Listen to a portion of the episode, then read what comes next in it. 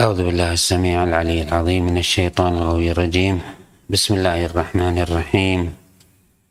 والحمد لله رب العالمين. والصلاة والسلام على أشرف الأنبياء والمرسلين سيدنا وحبيب قلوبنا بالقاسم محمد.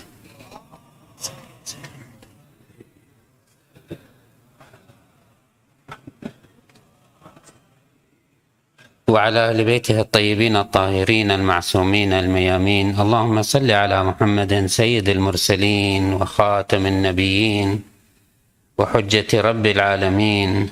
المنتجب في الميثاق المصطفى في الظلال المطهر من كل آفة البري من كل عيب المؤمل للنجاة والمرتجى للشفاعة المفوض إليه دين الله. اللهم شرف بنيانه وعظم برهانه وافلج حجته وارفع درجته. اللهم أعطه نوره وبيض وجهه وأعطه الفضل والفضيلة والمنزلة والوسيلة والدرجة الرفيعة. وابعثه اللهم مقاما محمودا الذي وعدته يغبطه به الأولون والآخرون. اللهم صل على محمد وآل محمد الأوصياء الراضين المرضيين. بأفضل صلواتك وبارك عليهم بأفضل بركاتك. والسلام عليه وعليهم وعلى أرواحهم وأجسادهم ورحمة الله وبركاته. ثم السلام عليكم أيها المؤمنون جميعا ورحمة الله وبركاته. قال عز من قال في محكم كتابه الكريم بسم الله الرحمن الرحيم. أمن هو قانت آناء الليل ساجدا وقائما يحذر الآخرة ويرجو رحمة ربه. قل هل يستوي الذين يعلمون والذين لا يعلمون؟ إنما يتذكر أولو الألباب. صدق الله العلي العظيم. السبيل إلى السعادة والهناء والراحة في هذا الدنيا وفي هذا الوجود. تحقيق العبادة والانقطاع إلى الله عز وجل مخ كل ذلك هو المعرفة معرفة الله. لاحظوا هذه الآية الكريمة عندما تمدح العباد المنقطعين إلى الله مثل هذا الذي هو قانت آناء الليل منقطع إلى الله عز وجل في جوف الليل حال سجوده وقيامه. خلاصته أنه هذا العالم لا يستوي الذين يعلمون. ضابط التوازن ليس هو في كثرة العبادة والنسك إلا بمقدار ما تنطوي عليه هذه العبادة من العلم والمعرفة. هل يستوي الذين يعبدون أو الذي يستوي الذين يعلمون والذين لا يعلمون؟ لا الذين يعبدون والذين لا يعبدون. نعم العبادة سبيل العلم. العبادة توطأ وتهيئ فالعبرة والمحور والميزان في كرامة الإنسان هو في علمه وفي معرفته بالله عز وجل. هل يستوي الذين يعلمون والذين لا يعلمون؟ إنما يتذكر أولو الألباب. الألباب هو الزبدة. حقيقة الإنسان هو في لبه في معرفته في علمه بالله عز وجل. ولكن ما قد يثار هو أنه هل يمكن معرفة الله عز وجل لكي يكون هو المعيار؟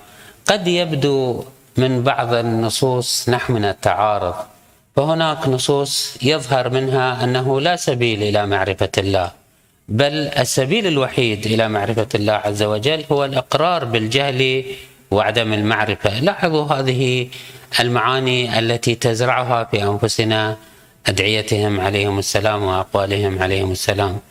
فيقول الإمام زين العابدين في بعض أدعيته ولم تجعل للخلق سبيلا إلى معرفتك إلا بالعجز عن معرفتك.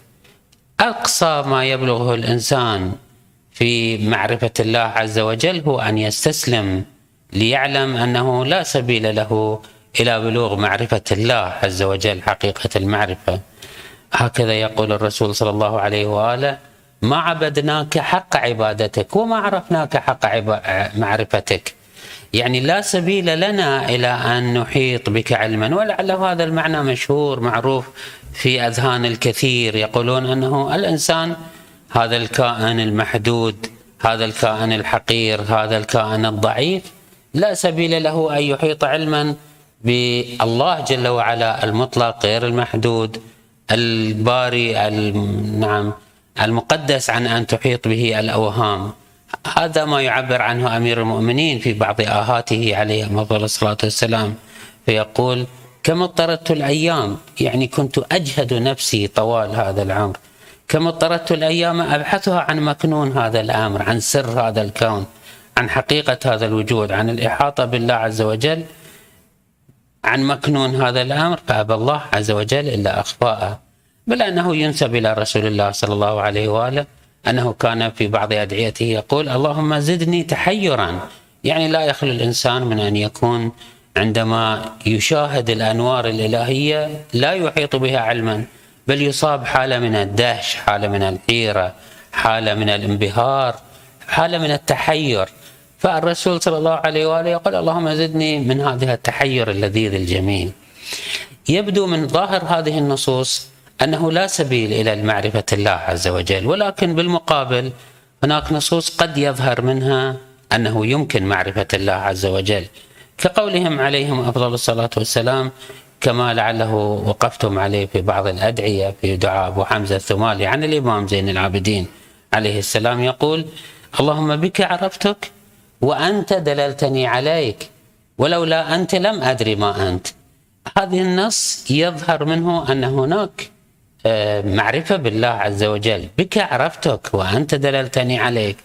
ونفس المعنى يكرره الأمير عليه أفضل الصلاة والسلام في دعاء الصباح الذي نكرره أغلب الأيام يا من دل على ذاته بذاته اذا الله جل وعلا نعرفه وبذاته يا من دل على ذاته بذاته.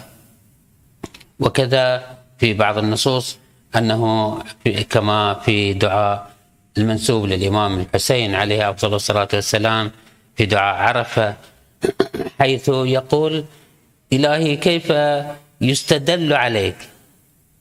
يعني لا سبيل للاستدلال بالأشياء الأخرى على الله عز وجل.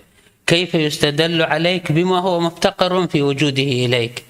أصلا نحن نعرف الله عز وجل قبل أن نعرف الأدلة التي يدعى أنها تدل على الله عز وجل. إذا كان هناك في كتب بعض العلوم تقول أن الاستدلال على الله بدليل النظم بدليل الخرق للعادات بهذه الأدلة التي تذكر عادة الإمام الحسين عليه السلام يقول أنت أعرف إلينا مما نستدل به عليك.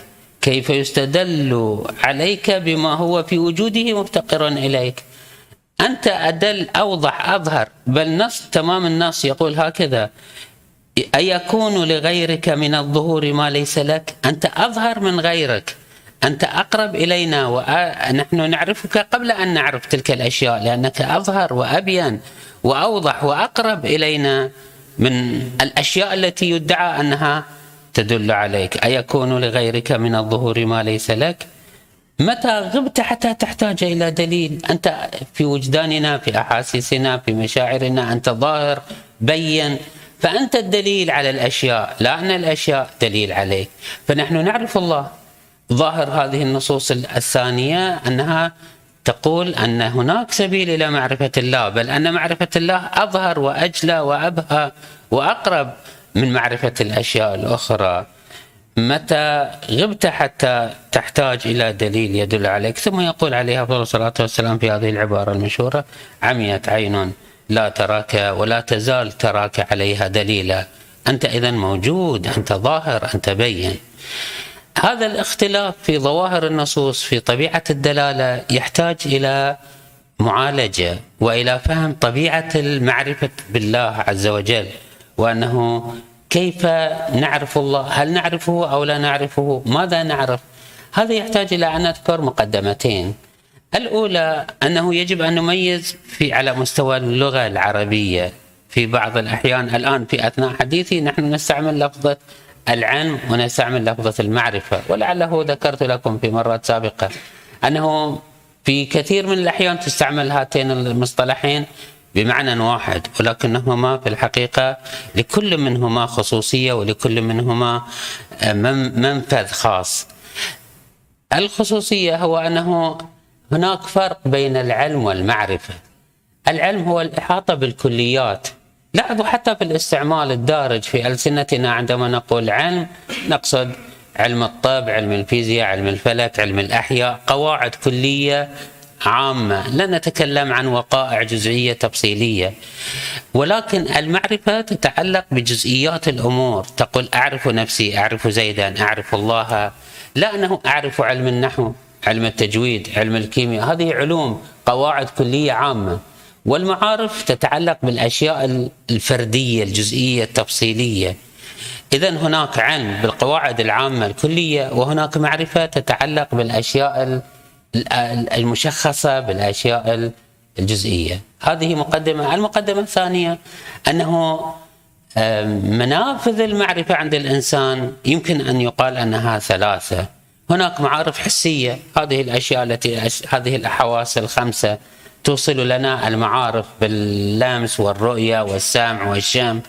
فإننا نعرف أشياء كثيرة من خلال هذه الحواس. وهناك باب آخر من من المعرفة وهي وهو العقل. العقل يعطينا قواعد عامة كلية فنحن إذا علمنا أن رقم واحد أكبر من رقم اثنين وأن رقم اثنين أكبر من رقم ثلاثة نجزم أن رقم واحد أكبر من رقم ثلاثة. هذا بالاستدلال العقلي لا بالحس وليس بالمماسة وليس بالشم إذا كان الأول أكبر من الثاني والثاني أكبر من الثالث فقطعا الأول أكبر من الثالث. هذا يسمى المنطق السوري المنطق الذي قرره أرسطو منذ آه، سنوات كثيرة وتداولته الإنسانية بالقبول لأنه موافق للمنطق العقلي. ولكن هناك أفق ثالث من المعرفة أيضا غير الحس والعقل وهو الوجدان والإدراك العميق في نفس الإنسان. فأنني أجد بعض المعارف لا سبيل إلى الحس إليها ولا سبيل إلى العقل. إليها مثل إحساسي بمشاعري وأحاسيسي باني جائع أو تعب أو فرح أو حزن. هذه أمور لا سبيل إلى حسها ولمسها باليد ولا سبيل إلى إثباتها أو نفيها بالعقل وإنما أمور وإنما أمور وجدانية في عمق الإنسان. هذا انماط من المعارف تقدم للإنسان. طبعا هناك بحوث مفصلة في علاقة هذه المعارف الثلاث وهناك مشارب ومدارس في تقديم أحدها على الآخر أو التوفيق بينها أو التفصيل بينها. ولكن خلاصة القول أن معرفة الله عز وجل بلا شك ليس بالحس فأن الحس لا تطاله ولا سبيل إلى القدرات الحسية للإحاطة بالله عز وجل. بل وكذا العقل. وما نفي من المعرفة لله عز وجل فيقصد به أن المعرفة العقلية. وما أثبتناه وما تثبته النصوص إنه هو المعرفة آه، الوجدانية. لاحظوا أمير المؤمنين عليه أفضل الصلاة والسلام كشاف الحقائق عندما سأله ذلك اليهودي عن أنه هل رأيت ربك يا علي؟ هل هل جاء إلى أمير المؤمنين عليه السلام يهودي فقال له يا علي هل رأيت ربك؟